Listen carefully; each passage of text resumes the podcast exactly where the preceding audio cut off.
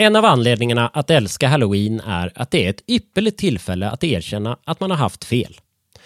Jag har ända sedan 2013, när remaken av Evil Dead kom ut, hävdat att den filmen faktiskt är helt okej. Okay.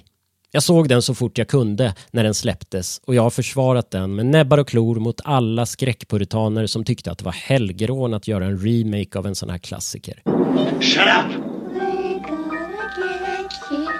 We're gonna get you Not another peep Time to go to sleep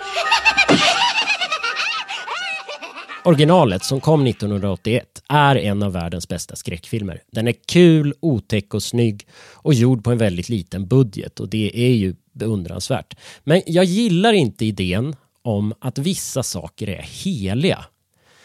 Däremot kan jag också irritera mig på alla remakes som görs. Jag kan tycka att det är slött att inte hitta på något nytt. Framförallt nu när det är så ofta förekommande, inte minst inom skräckgenren. Men med det sagt, jag kan också förstå idén med remakes. För när en 12-åring idag ska se Djurkyrkogården för första gången kan det vara mer lättillgängligt att se remaken från 2019 och nej, den var ingen vidare. Men det var i ärlighetens namn inte originalfilmen från 1989 heller. Den som hävdar att den filmen är jättebra har fått sitt omdöme grumlat av nostalgi. Ungefär som det är för mig med Djurkyrkogården 2, vilken jag älskar fastän jag förstår att den inte är något vidare. Så, nu har jag slagit fast de grundprinciperna. Alltså, jag gillar inte heliga kor, jag tycker att det är slött med remakes, men jag förstår poängen med dem. För vi måste ju tänka på barnen. Vi vill ju att de ska ha möjlighet att skapa sina egna kultklassiker som de älskar av nostalgiska skäl. Så var det det här med Evil Dead-remaken då. Jag skrev så här om den på Instagram för ett par år sedan. Citat. Jag uppskattade verkligen remaken av Evil Dead.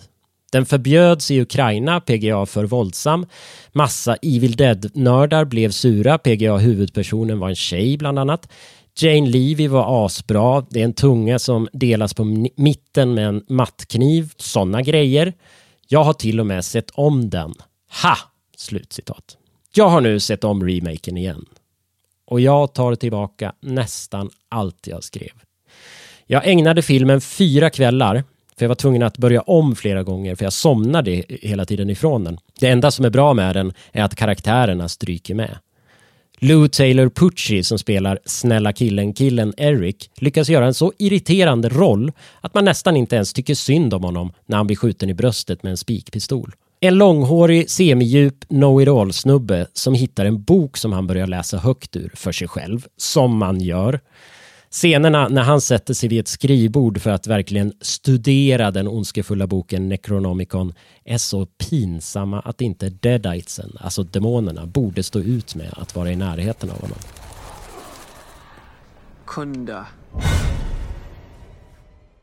I originalet är det ju ingen bok utan en bandspelare som de hittar och det är lättare att köpa att någon av nyfikenhet trycker på play. Storyn handlar i den här filmen om Mia, spelad av Jane Levy då, som ska bli av med sitt heroinmissbruk. Det är därför som de åker ut till en cabin in the woods.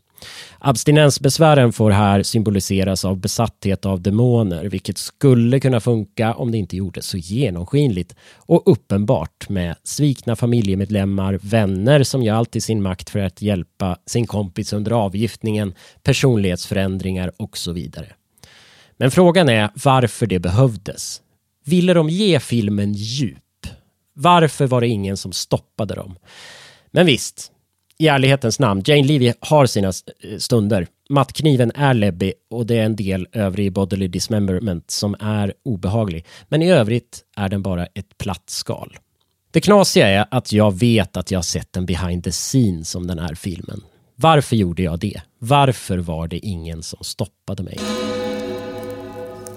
Nej, den här gången hade de kunnat lämna Evil Dead i fred. Det hade också besparat de människors höga förväntningar som sen blev till besvikelser. För alla var ju överens om att originalet var så mycket bättre.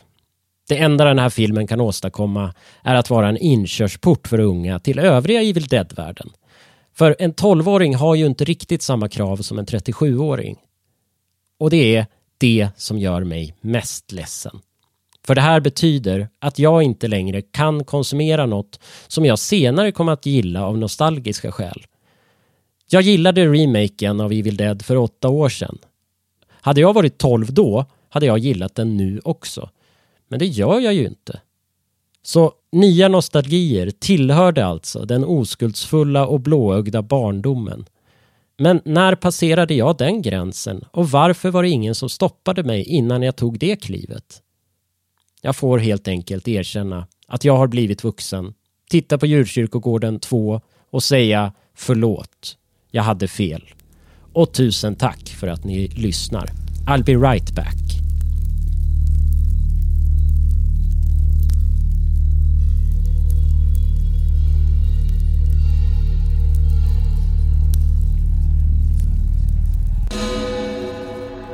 Kunda.